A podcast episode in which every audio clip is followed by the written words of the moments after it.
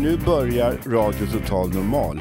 Programmet där vi med erfarenhet av psykisk ohälsa säger vad vi vill. Vi som är med har alla erfarenhet av psykisk ohälsa.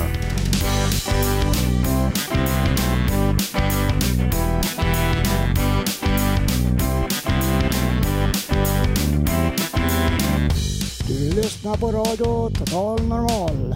101,1. Totalt normalt. Radio Total Normal, torsdagar från två till halv fyra. Vi livesänder med publik från Götgatan 38 i Stockholm. Kom hit och lyssna. Här är alla röster lika värda.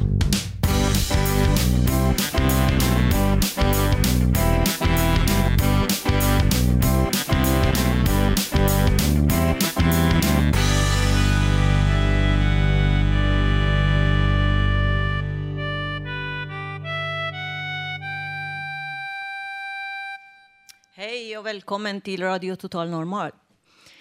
Idag är en speciell dag eftersom Radio Total Normal fyller två år idag. Vi har tårta här, ser gott ut och doften av kaffe sprids i rummet.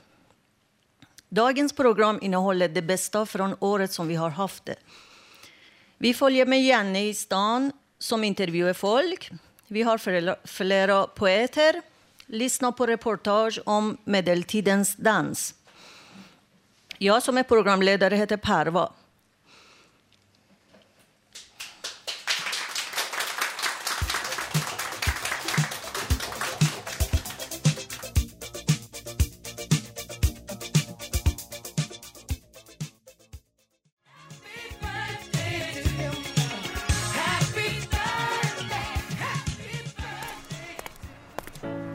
Rakt in från Stockholms gator. Nya frågor från Radio Total Normals reporter Janne.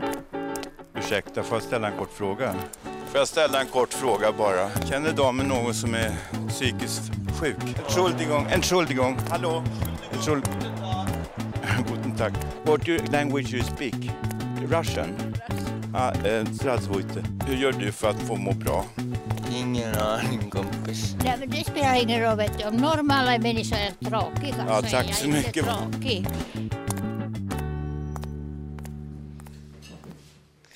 Så nu får vi se vad har Janne hittat på i stan. Eh, vi får höra en repris från när Susanna och Janne var ute på stan och frågade folk om vad de tycker är onormalt. Varsågod.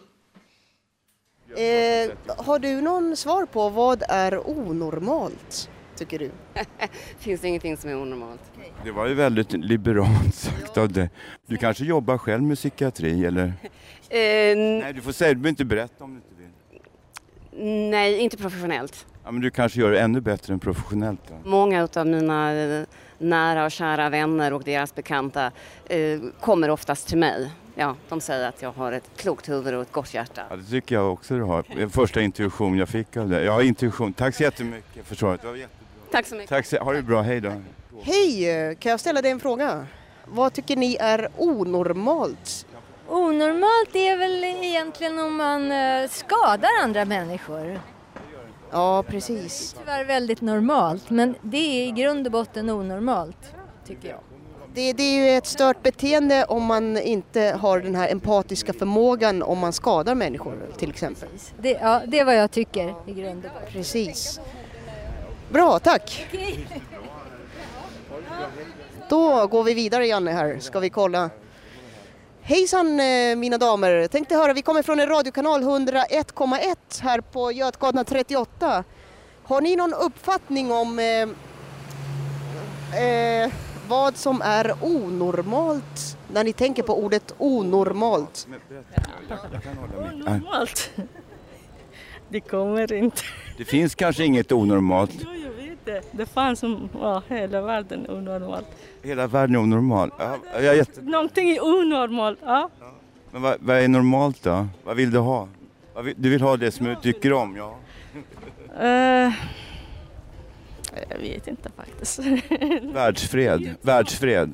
World ja, peace. ja, det är precis, precis. Okej, jag var med om att starta en fredsrörelse en gång, jag var 16, och 17, 18 sådär. Kände du dig frisk och må bra och så? Vem är jag? Jag mår inte bra. Gör inte det, men, men det, det, är nästan, det är nästan det som är normalt. Det är normalt att inte må bra. Därför jag säger det fanns hela världen onormalt eh, grej. Man är sjuk, man är... Ja, ja, mycket tabletter man tar. Tar du tabletter? Jag var också tog... Mycket Ja. tabletter. Därför vi vet, vet inte.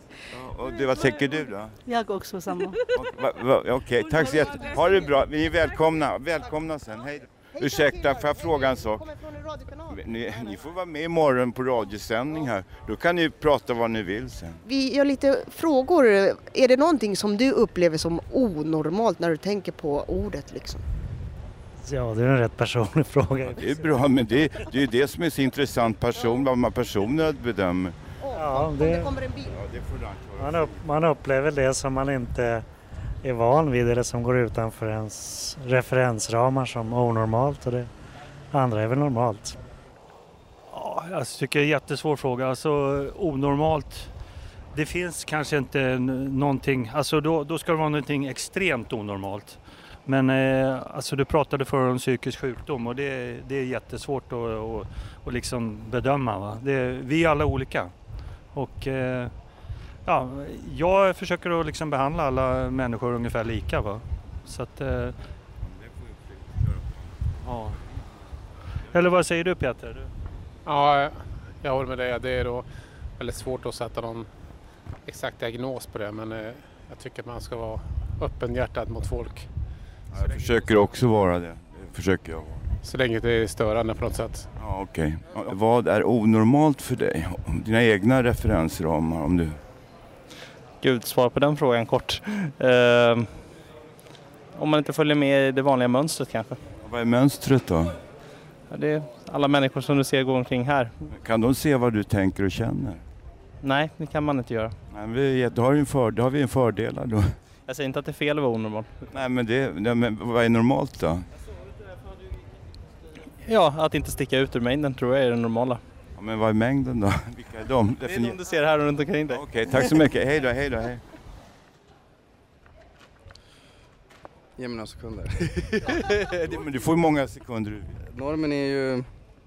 Normen är den standard som människorna sätter när det är flest människor som anser att det är normalt eller att de gör så. Det är väl det som är normalt liksom. Tycker du det? Tycker du om den, tycker du om den normen då?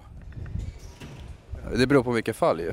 Alltså i vissa fall så är jag normal, då, jag, då följer jag ju normen. I vissa fall då är jag helt onormal och går helt mot strömmen. Det är beroende från fall till fall ju. Du, du, man är både normal och onormal på olika sätt då, olika tider då. Ja det är klart, det är olika. Men det är väl bra, tack så jättemycket för.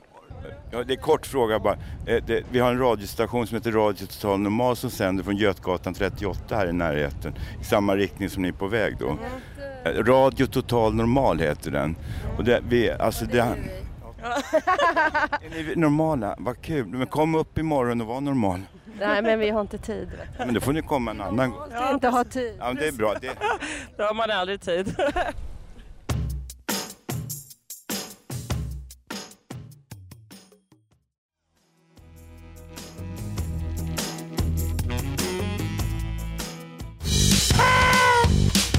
Kära radio, nu har du fyllt två år och och det är fantastiskt att du är så ung eller gammal eller ja, jag vet inte vad... Tänk vad tiden går fort, du är en väldigt mogen tvååring. Grattis, grattis! Grattis så hemskt mycket på bemärkelsedagen. Vi blir visare och visare för varje år. Grattis på tvåårsdagen, Radio Total Normal! Hipp hipp! Hurra, hurra, hurra, hurra!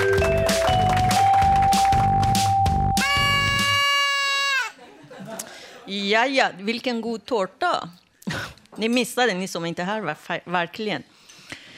Eh, två år har gått. Två kämpiga år. Ja, det var två år sedan som vi bestämde att börja med Radio Total Normal. Vi fick hjälp av de som kunde hjälpa oss och ge vår röst ut i samhället. Det var inte lätt. Vi var många och hade mycket i hjärtat. Jag säger en citat av min favoritpoet från Iran. Han heter Ahmad Shamlo. Han sa, det är bara rösten som stannar kvar. Och jag kan förstå när det finns så mycket orättvisor, så mycket falskhet, då orkar inte man se och läsa ibland. Tappar lusten att tro på det. Tröttnar. Men när hör en röst som säger det är att du är inte ensam. Vi är här. Vi är många som har känt och upplev det du känner, det du säger. Kom hit och lyssna. Hör oss, säg oss och säg det du vill ha. Vad skönt var det de dagarna jag gick härifrån trött, men känslan att kan göra något. Något som jag ville få, men blev stoppad. Blev tyst och gjorde annat för att hjälpa andra. De som behövde hjälp och var svaga i samhället. Vi har haft bra medarbetare som Katrin Luford som snäll och tålig hjälpte alla och sa säg dit, våga, var inte rädd. Du har rätt att tycka och tänka som du vill. Det var skönt att höra. Den uppmuntran. När där ute sa alla, vem tror du är? Var tyst och gör ditt jobb bara. Vi har haft Håkan som hade mycket i hjärtat. Vi hade många som jobbade bakom med ljudet, med musik och annat. Att allt ska funka. Vi hade Janne som sprang i kylan och intervjuade folk om det de tycker och tänker. Om om fördomar som vi alla bär på. Du lyssnar på Radio Total Normal.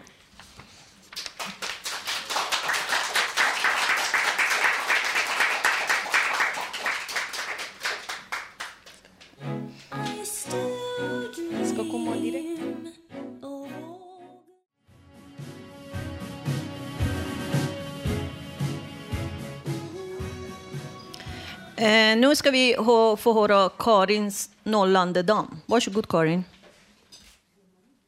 Hej, jag heter Karin Lundgren och jag ska läsa en relativt nyskriven dikt som handlar om utanförskapet.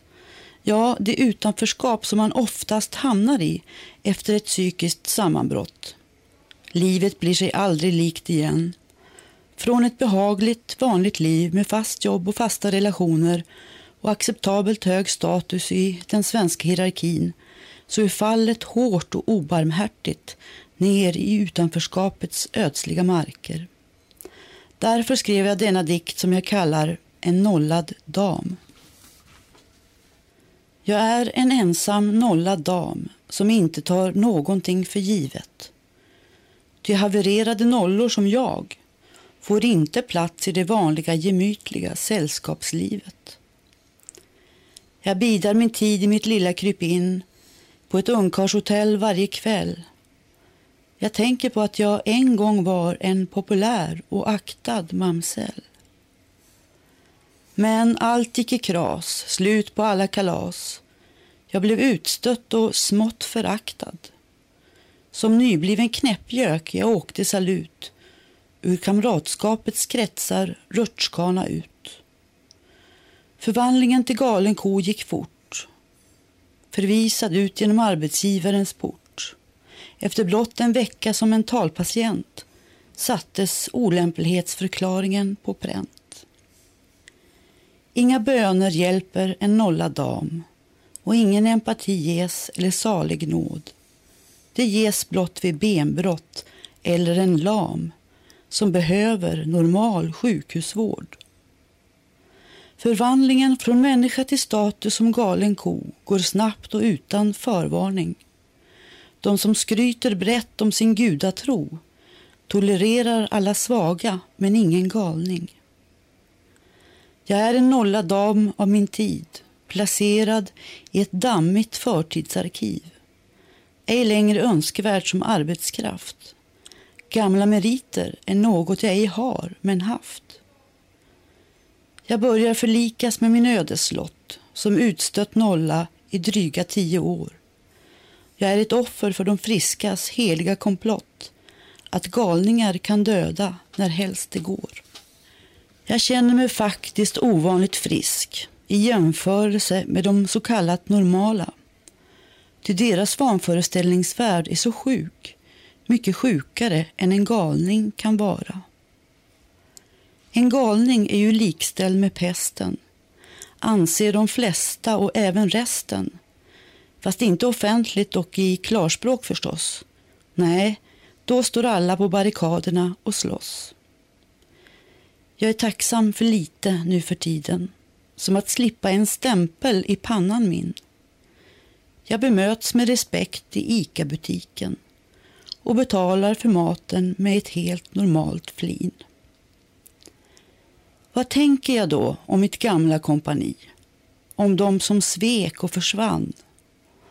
Jo, jag undrar om de har ångest ibland i sina välkrattade, respektabla Svenssonliv. Ja, hej.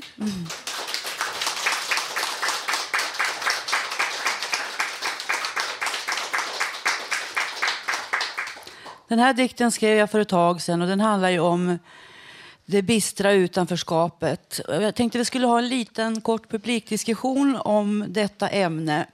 Jag går här genom stolarna.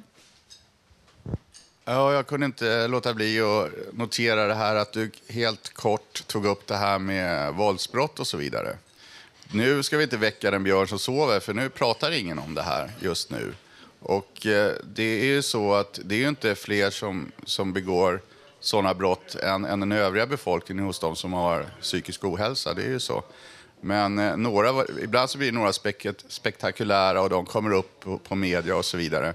Men det, det beror, antagligen idag så är det lika mycket våldsbrott och det som det var på det, när, när man talar om det förut, bara att man inte talar om det. För att det är inte... Nu, nu är vad det handlar om är att svenska folket har röstat fel. Nu har de röstat galet, det får man tycka vad man vill om. Så nu, nu tar de upp all media här. Va? Och, och då, då pratar man inte om det här. Men, men det, som, det som resultatet av den här äh, hetskampanjen det var ju att det blir tvång i öppenvården och det innebär att våldsoffer kan dömas till, äh, till slut, slut, eller, sluten, eller sluten vård inom, inom öppenvården, så att säga. Så att det, det, det, har ju minskat det här. Många, många inom den borgerliga regeringen pratar om valfrihet. Och det, det, valfriheten har ju minskat, för då får man inte välja vårdgivare själv. Så att det, det enda resultatet det, det, det är ju det här då. Liksom. Så att det är väldigt sorgligt. Tack så mycket. Är det någon annan som har något på hjärtat? Herr Robert? Ja, jag vet inte. Det här med utanförskapet, det är väl någonting som vi, de stackare, många av de stackare som eh, finns här på Fountain House, har med sig och har känt ända sedan blöjåldern. Väldigt lite. Mina, mina första minnen har oftast att göra, jag vet inte om det är det att jag bara kommer ihåg detta, att göra med ett utanförskap. Det är klart att man kan ju behandla folk hur, hur tokigt som helst och tänka att det är normalt. Jag vet inte hur man ska se. Tack. Är det någon annan som har något på hjärtat?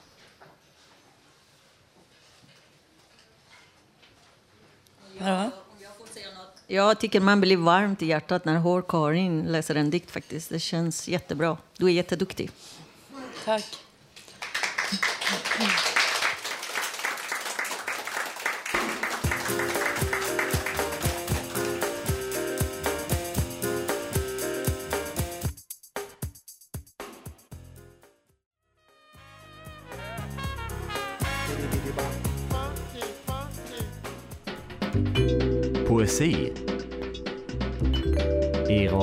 Normal.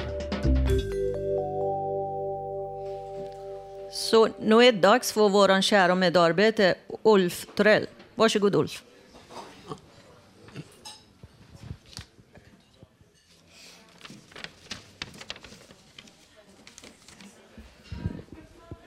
Februari var vinter. Idag är fredag, igår torsdag. Jag bor i Hammarbyhöjden. Kanske imorgon är lördag. Men jul var sommar. Solsken, vind blåser på sjö. 2010. Ett fartyg reste 1969 till jag. Båten kom till Atlanten. Panamakanalen. Var i Europa på Sydamerika. Hamburg, Tyskland. Antwerpen, Belgien. Påsk var april. När september, höst. Maj var vår. Natten mörk, mörk kväll, stjärnor blinkar. Förra året var 2009. Jag är 57 och uppträder fredag 24 september.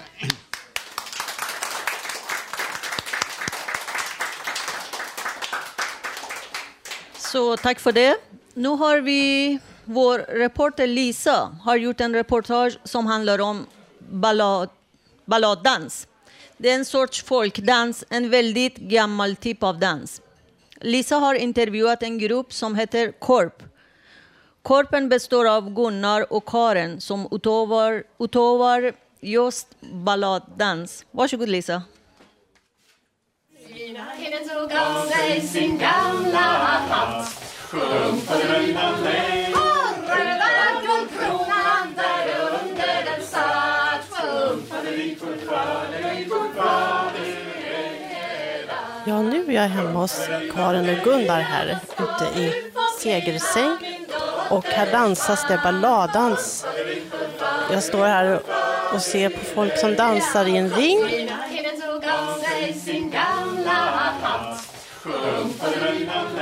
Ni två kallar er Korp. Och ni är kärnan i en grupp som framför balladans och ballader. Vill du berätta lite mer om det, Karin?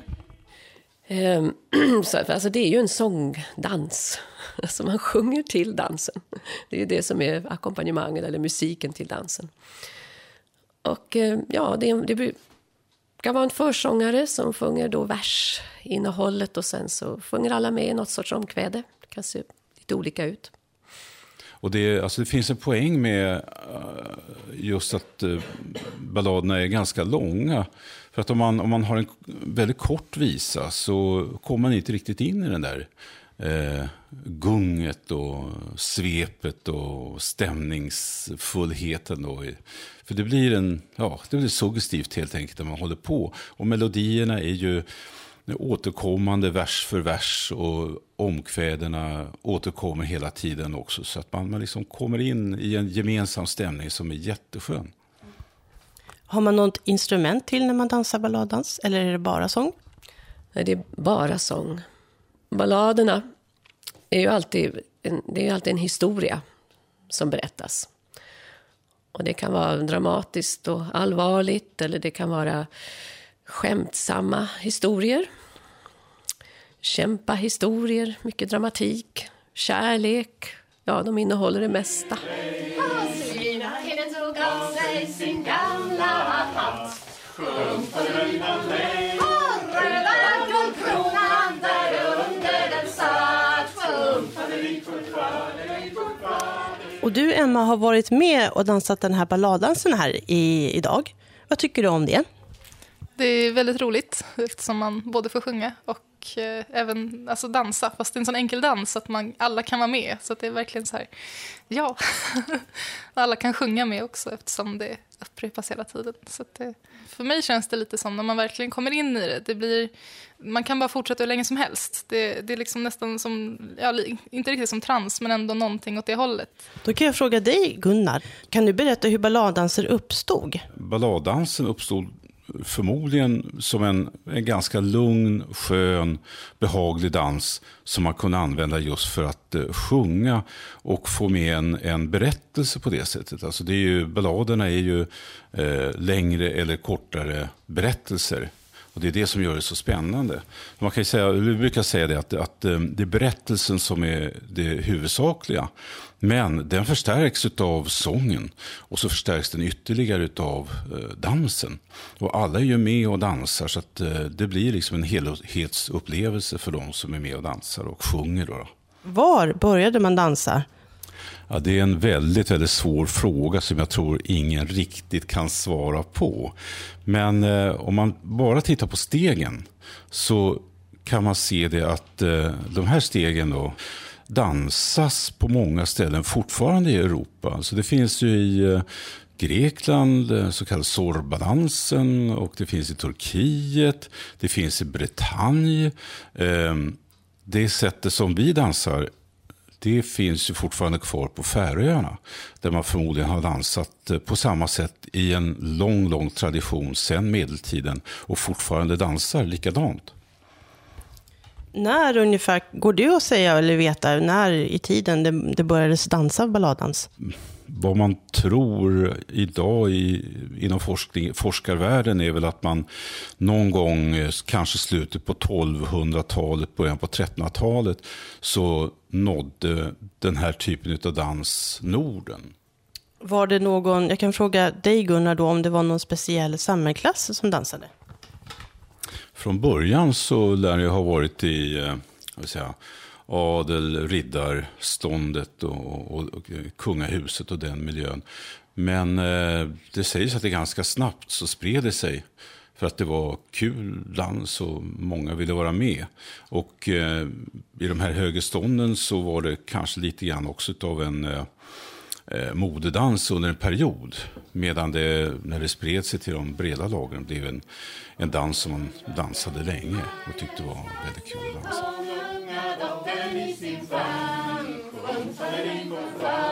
Mm.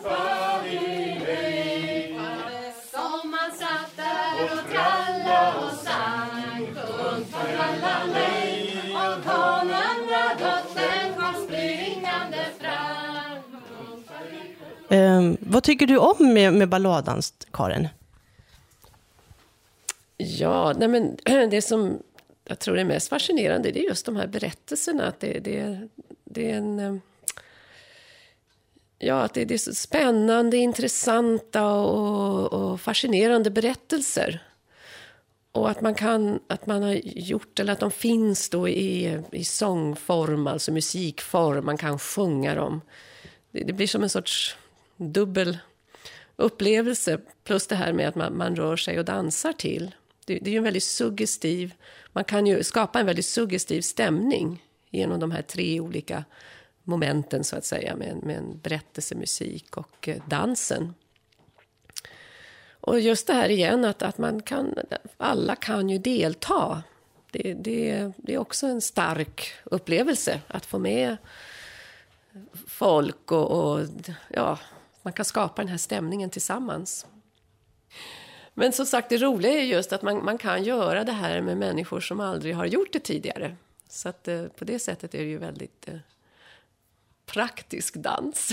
Man behöver inte så stora förkunskaper och man kan visa det. Och det brukar vara en, stark upplevelse, har vi upplevt. Det har jag upplevt i alla fall, när man, man, eh, man bjuder upp till en balladdans med människor som aldrig har gjort det. Och jag kan ju föreställa mig själv, om jag aldrig hade sett eller hört det, så skulle jag nog också bli fascinerad. Jag kommer inte ihåg nu bara, från första gången, men jag tror nog att det var så.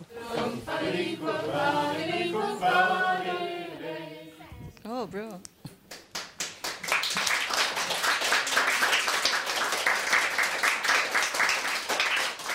Vi tackar Lisa. Jag har varit med Lisa några gånger. Det var jättetrevligt faktiskt. Det var bra. Prova på.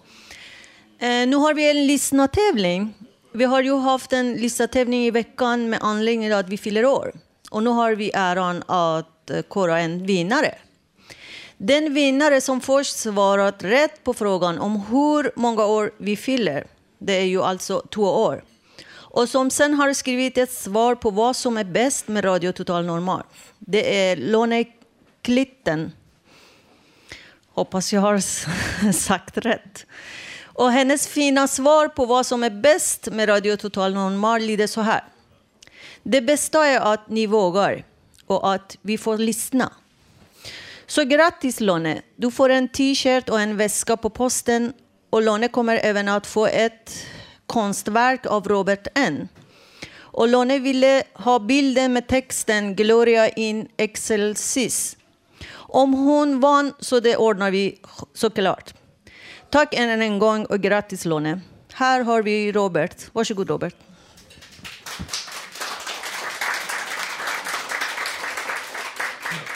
Jag kommer här med den femte delen av eh, Nya Polarnas fina zoo.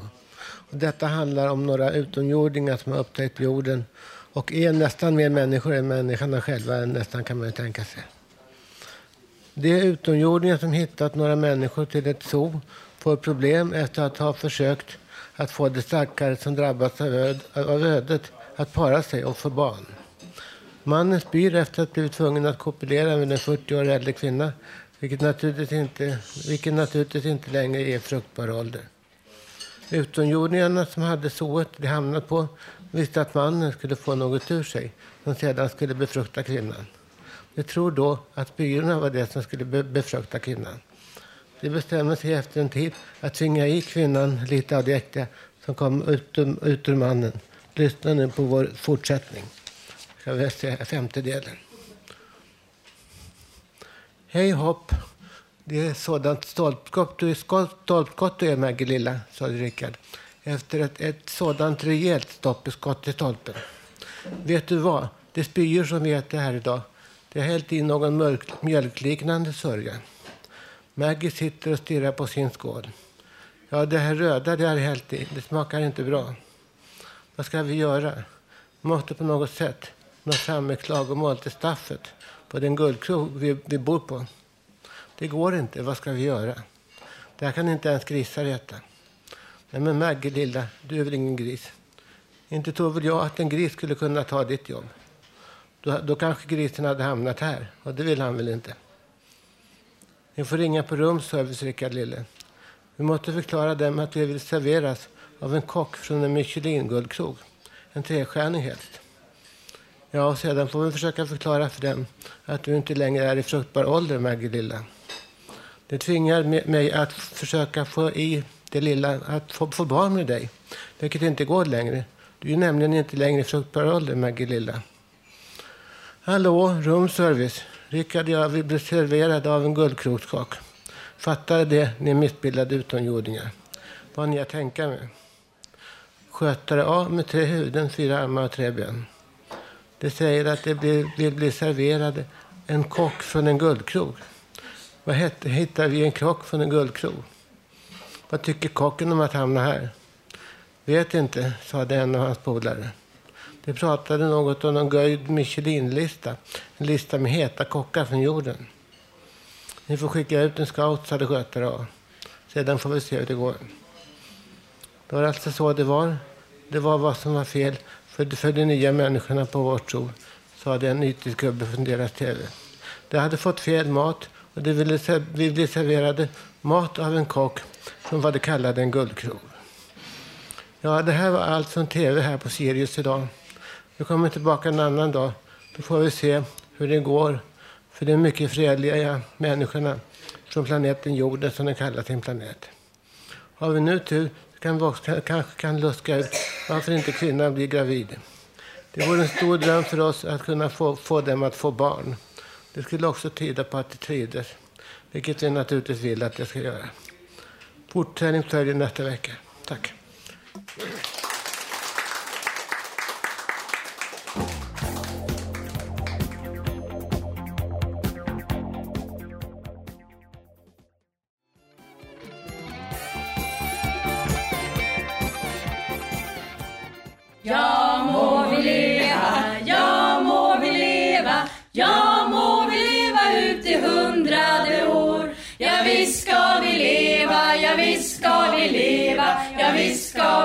Leva ut i hundrade år. Grattis på tvåårsdagen, Radio Total Normal. Hipp hipp! Hurra, hurra, hurra, hurra! Ja, det är jag som brukar kalla mig för Mr X eftersom ibland så kommer jag med saker som inte är populära överallt kan man säga. Och eh, lite kontroversiella. Och inte minst gäller det ja, överhuvudtaget inom vården. Och då jag tänkte prata om nu är samkörning av register bland annat. Och det är så att jag känner till en kvinna vars bästa väninna hade erfarenhet av psykisk ohälsa som sökte hjälp inom vården för smärtor i magtrakten. Läkarna sa att hon var helt frisk och smärtorna var vanföreställningar. Hon gick upprepade gånger till sjukhuset och först efter ett år fick hon behandling och då led hon av långt framskriden cancer. På grund av det så avled hon kort därefter. Idag så kan kroppssjukvården obehindrat läsa psykiatriska journaler på nätet inom, inom sjukvården. Och det är ju så att alla kirurger och allmänläkare inte har tid att sätta sig in i psykiatriska diagnoser så att det kan bli väldiga misstag där och det kan vara livsavgörande. Och det är inte bara där, utan om man har haft en diagnos någon gång i sitt liv eller så, så dras man utav den, med den och man, folk tror att man är lika sjuk som man var när den skrevs. Och det kan sprida sig då runt inom, inom, inom vården och att man får sämre vård. Och då tänkte jag fråga här i publiken, om ni har upplevt att ni har blivit felbehandlade när ni, där det har framgått att ni har haft erfarenhet av, av psykiatriska vården.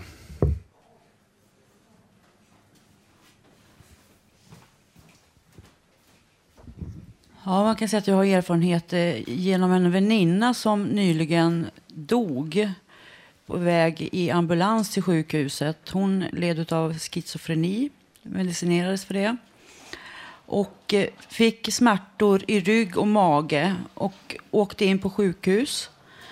Blev hemskickad där med värktabletter. Jag vet inte om de påstod att hon hade vanföreställningar, men hon blev i alla fall hemskickad. Och det gick inte över. Tre dagar senare låg hon på golvet och skrek och ambulans kom. Och hon avled i väg till sjukhuset. Eh, på väg till sjukhuset då. Och eh, hon har inte fått, vi har inte fått någon dödsorsak än. Utan det kallas för då plötslig vuxendöd. Så att jag vet inte om de, har, eh, varför, om de inte har obducerat henne eller varför de inte kan fastställa någonting. Det är någonting som man nästan får leva med. Man känner sig liksom så människor som har psykisk ohälsa blir så illa behandlade på grund av det. Så att det, jag tror det är ett resultat av det. Tack för ordet. Är det någon annan som har någon åsikt om det här? Det är väl olika. Det är, många, det är ju så liksom att det är den här amerikanska sjukvårdsmodellen, liksom, skicka folk till akuten, för där blir de i alla fall där blir de kanske på något sätt tvungna att ta hand om dem. Va? Men det där blir naturligtvis infekterat efter ett tag. Och de orkar naturligtvis inte ta hand om alla människor lika bra. De är också människor. Men jag vet inte, plötsligt vuxendöd, det har jag aldrig hört talas om. Men tack i alla fall. Är det någon annan som har hört talas om det eller har något annat att säga? Nej, det verkar jag, fått, jag tycker jag har fått det jättebra. Eller bra var det ju inte, men eh, för det var ju folk som dog här. Men eh, ja, jag tycker att det här är någonting som alla bör tänka på som har lyssnat på det här. För att det är kontroversiellt också, för man stöter sig med läkare, så de blir väldigt arga när man pratar om det här. Så är det nog. Ja, tack.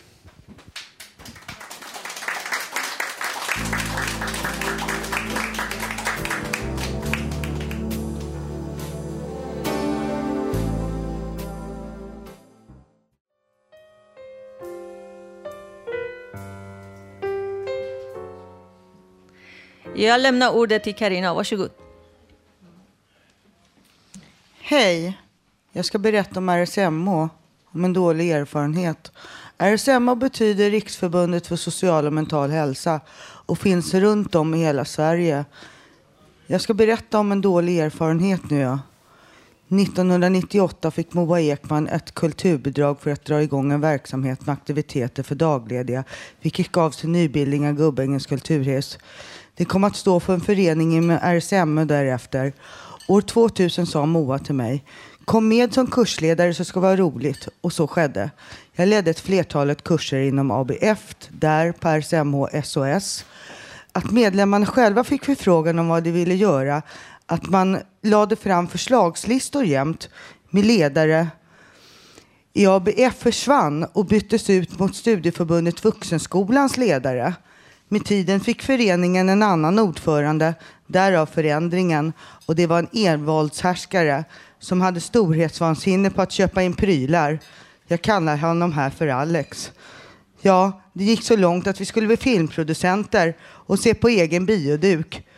Då föddes även klubben för inbördes beundran av dem som kunde mer, mitt ibland alla andra.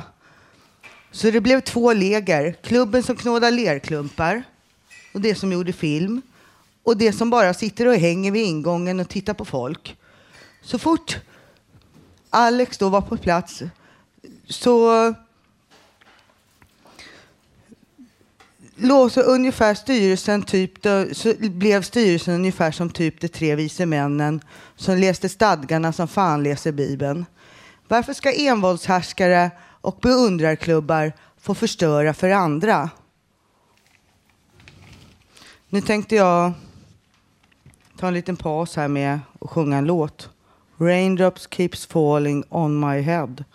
Kan jag få lite publikapplåd så här? Hålla klapp, takten så här.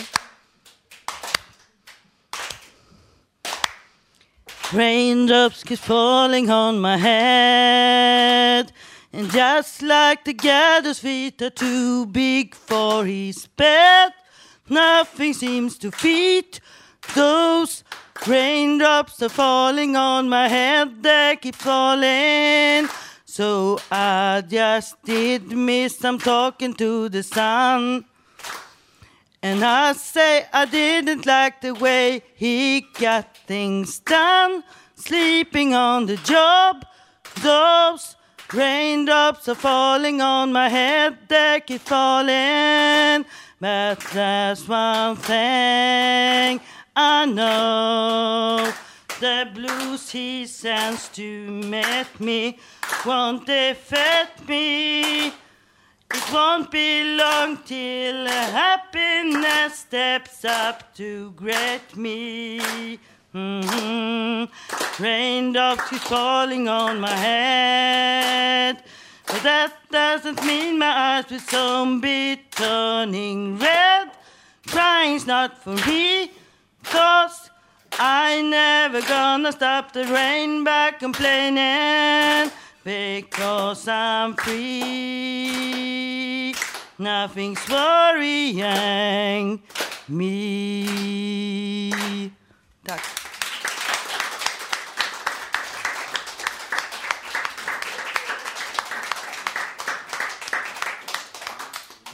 Ja, raindrops keeps falling, ja.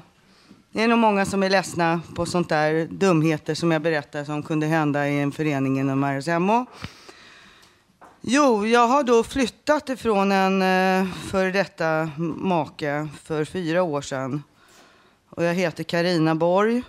Jag har inte fått tidningen för medlemskap i RSMH, Revansch, sedan fyra år och kräver kompensation för det.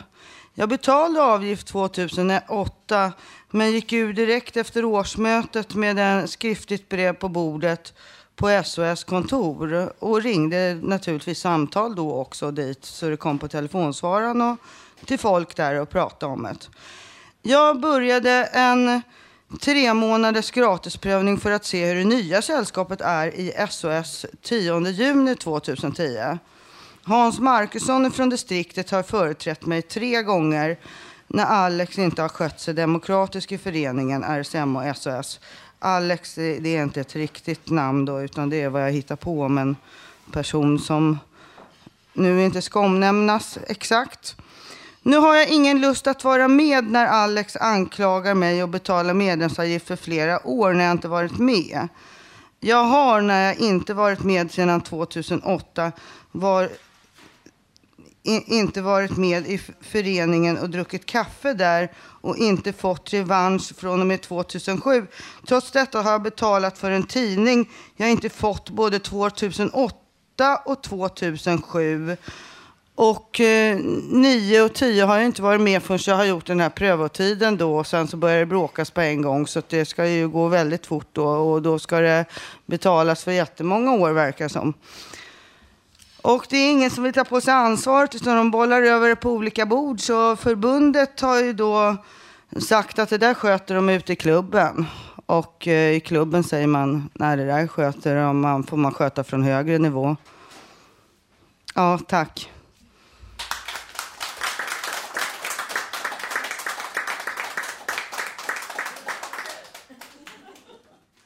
Tack Karina.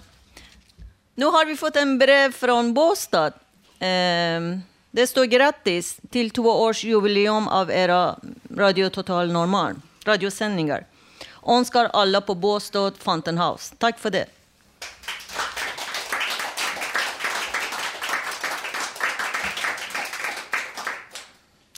Eh, Håkan Eriksson ska nu berätta för oss om modet om att hjälpa en människa i nöd. Varsågod Håkan. Och det här är en sann historia som jag kommer att tala om också. Det var en solig dag när jag tog en promenad i Stockholms innerstad. Jag gick igenom en stor park, Hagaparken. Och på en parkbänk låg en äldre, livlös man. Jag gick fram till honom och försökte få kontakt. Hur mår du? frågade jag. Men mannen reagerade inte. Många barn sprang runt omkring i parken och lekte runt om mannen på parkbänken. Och många gick förbi där han låg utan att bry sig om. Jag såg en ambulans stå 50 meter därifrån. Jag gick fram och frågade om den var upptagen eller om de kunde hjälpa mannen. När de kom fram vaknade mannen till liv och talade om att han trodde att han hade fått en hjärtattack. Jag talade då om att det var jag som hade försökt prata med honom först och sen hämtat ambulansen. Mannen var glad och tacksam över att jag hade stannat för att hjälpa honom och inte bara gått förbi de andra. De andra, han berättade också att han hade haft flera hjärtattacker förut. Men människor inte brytt sig om honom, bara sörtat. Mannen tackade för att jag hade stannat och sa att jag var en fin människa som tog mig tid att fråga hur han mådde eftersom alla andra ofta är så stressade och bara rusar iväg. Ambulansen körde iväg till eh, sjukhuset med mannen. Några timmar senare när jag fortfarande var ute på min promenad stannade en ambulans bredvid mig och samma personal som körde ambulansen som hade hämtat mannen eh, vevade ner rutan och berömde mig för att jag hade försökt rädda människoliv. Men hjälpen kom tyvärr för sent. Mannen avled i ambulansen på väg till sjukhuset. Om mannen kommit in bara 5-10 minuter tidigare då hade läkarna kunnat rädda hans liv, berättade ambulansmännen. Så sa de. Om, de, om flera personer som hade gått förbi mannen före mig hade tillkallat hjälp, då hade nog mannen levt idag.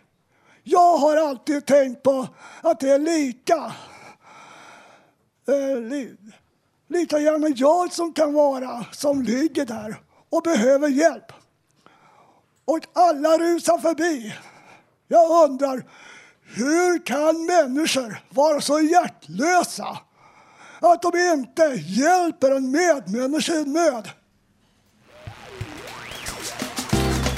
Radio Total Normal. Ocensurerad, direktsänd radioshow av psykiskt starka och sköra människor. Våra röster är också viktiga.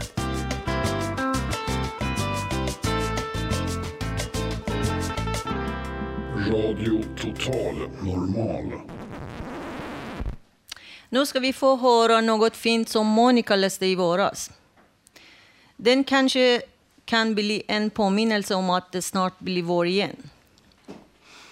Ortsniffaren kom till efter att Monica handlade or- örter en dag på affären.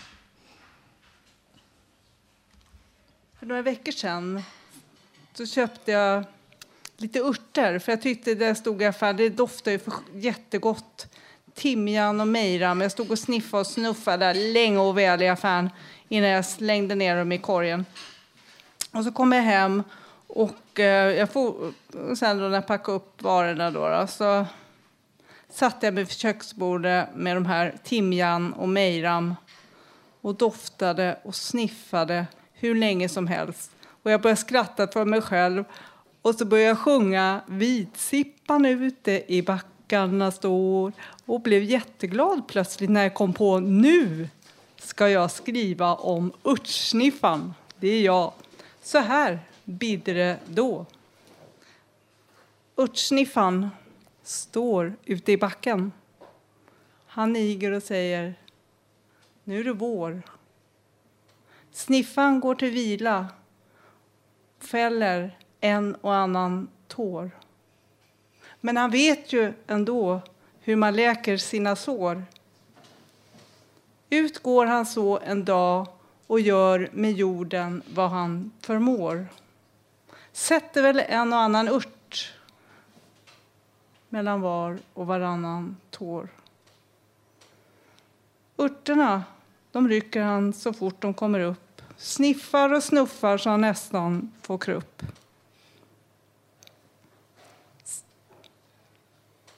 piffar och puffar på alla sina sår. Ja, han piffar och puffar på alla sina sår mellan var och varannan tår. Han niger och säger ja, ja, nu är det vår och torkar en ensam droppande tår.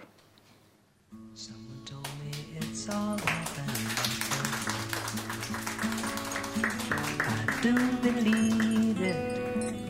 I do believe it's true.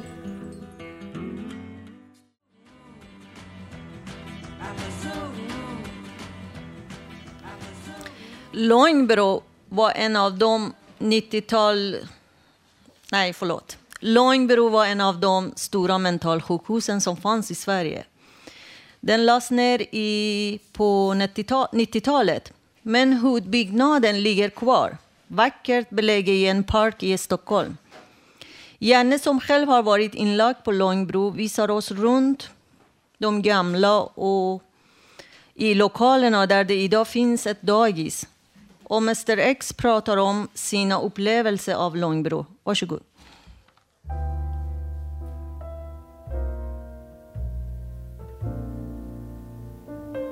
Ja, nu står vi här i parken och det här är den stora mansbyggnaden och den det var väl en av de Ja, det är en av de äldsta byggnaderna här och jag tror att det är nationalromantik. Det ser ut som det. Ja, Gustav Wickman har gjort den. Ja, den är ju ganska eh, monumental. Den är både tilltalande och skrämmande.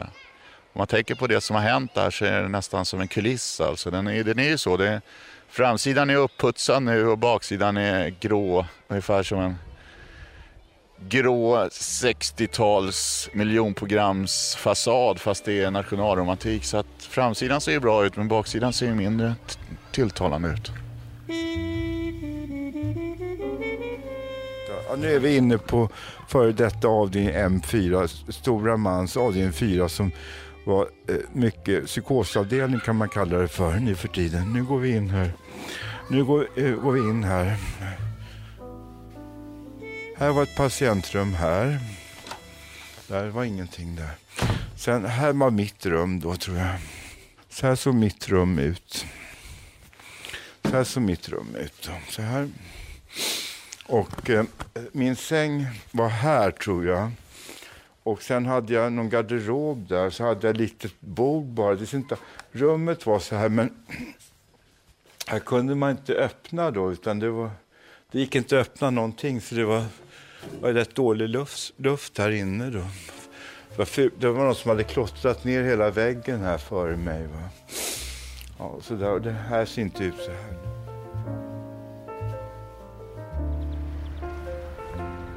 att vara på ett av de stora sjukhusen på den tiden, man brukar säga den stora sjukhusens tid. Finns det någon värde i att vara på en sån institution eller är det bättre att bo i ett gruppboende ute i samhället? Få den hjälp som är där eller att man bor i sin lägenhet?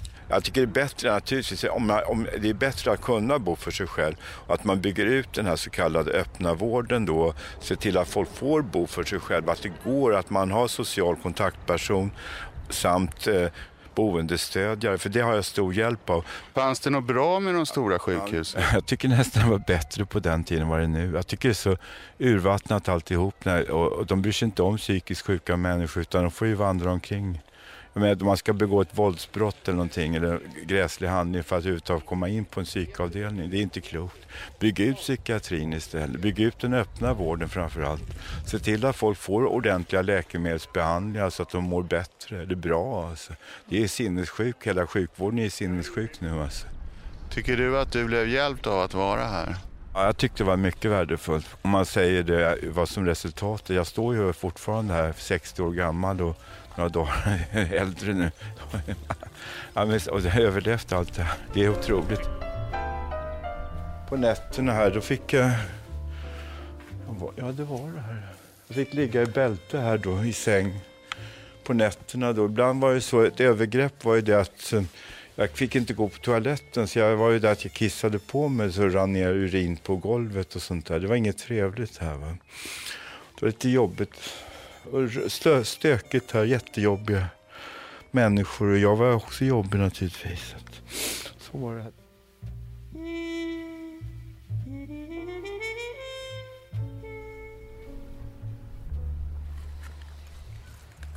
Det mest kända, förutom de 60 000 som masteriserades, så var de 4 500 lobotomeringar ungefär. Och de skedde här uppe, delvis. Jag kände, när jag träffade en sjuksköterska som biktade sig för mig. Hon var 20-talist och hon hade närvarit på en lobotomering. Hon mådde ju dåligt resten av livet. Och då eh, ville hon jobba ute bland patienter i, i, i, i, i vad ska man säga, i träff, på träfflokaler och så för att hon ville inte jobba inom, inom, inom slutenvården för hon mådde så dåligt av det där sa hon. Sverige var väl en av de första länderna som i, mitten, eller i början och mitten av 60-talet slutade med det här.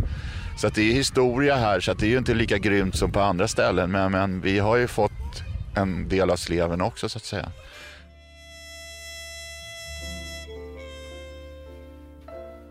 Jag skulle inte klara av att bo på ett sånt här område där det har varit om det har spökat någon gång så gör det det här och sen så är det sån tuff miljö. Men jag håller med dig att det känns lite ruggigt ibland att gå här faktiskt. Jag håller med. Jag skulle inte vilja bo heller här för att jag är absolut inte tror på spöken men jag tror på eh, otrevliga drömmar och sånt där obehagligt på nätterna. ja, du menar att det kommer tillbaka en massa minnen och sådana saker. Det är precis som det här huset. Fasaden är ju fin eller som en del säger vacker och baksidan kanske är lite rå och så. Så att det, det är både det är inte alltigenom ont det här området heller men det är ju det är, ju- det är en speciell atmosfär. Det är det.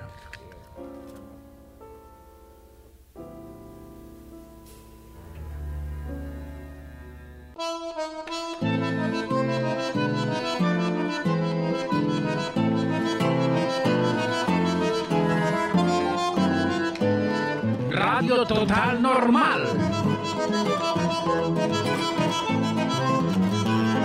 Sänder över hela galaxen.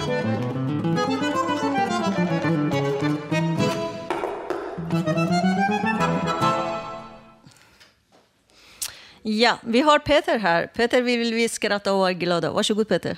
Tack. Jag ska dra några historier direkt, direkt hämtade från verkligheten. Det var kö till toaletten på psyket. Så kommer en förbi och säger så här. Jag får gå förbi era kön för det har Gud sagt. Då vänder sig era kön och säger det har jag inte alls sagt.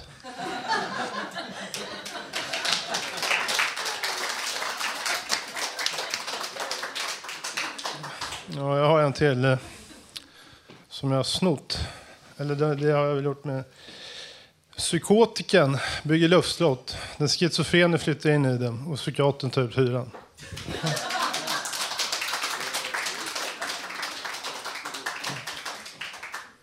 Eh, Det var en, eh, en eh, företrädare, en psykiater på ett mentalsjukhus som skulle visa sitt sjukhus. Och så sa han så här, där på första andra andra våningen mår de ganska bra. Och på tredje våningen mår de också ganska bra. På fjärde våningen börjar de eh, lite farliga sitta. Och på femte våningen sitter de riktigt farliga. Men högst upp satt psykiatern på sjätte våningen.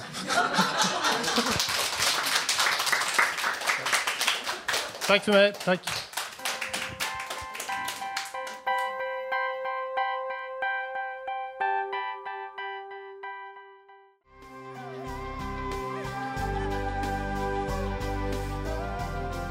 Eh, du lyssnar på Radio Total Normal och dagens program är snart slut. Vi tackar publiken för idag. Du har lyssnat på vår jubileumssändning idag från Fountain House i Stockholm. Om du vill lyssna på programmet efterhand då går du på www.radiototalnormal.se. Annars hör oss nästa torsdag samma tid på 101,1. Pro- producent är Hanna Samlin. Projektledare Bodil Lundmark och tekniker är Gustav Sundén. Jag som var programledare idag heter Perva. Glöm inte, solen skiner idag i Götgatan. Hoppas ni njuter av höstens färger och kunna vara glada. Tack för idag.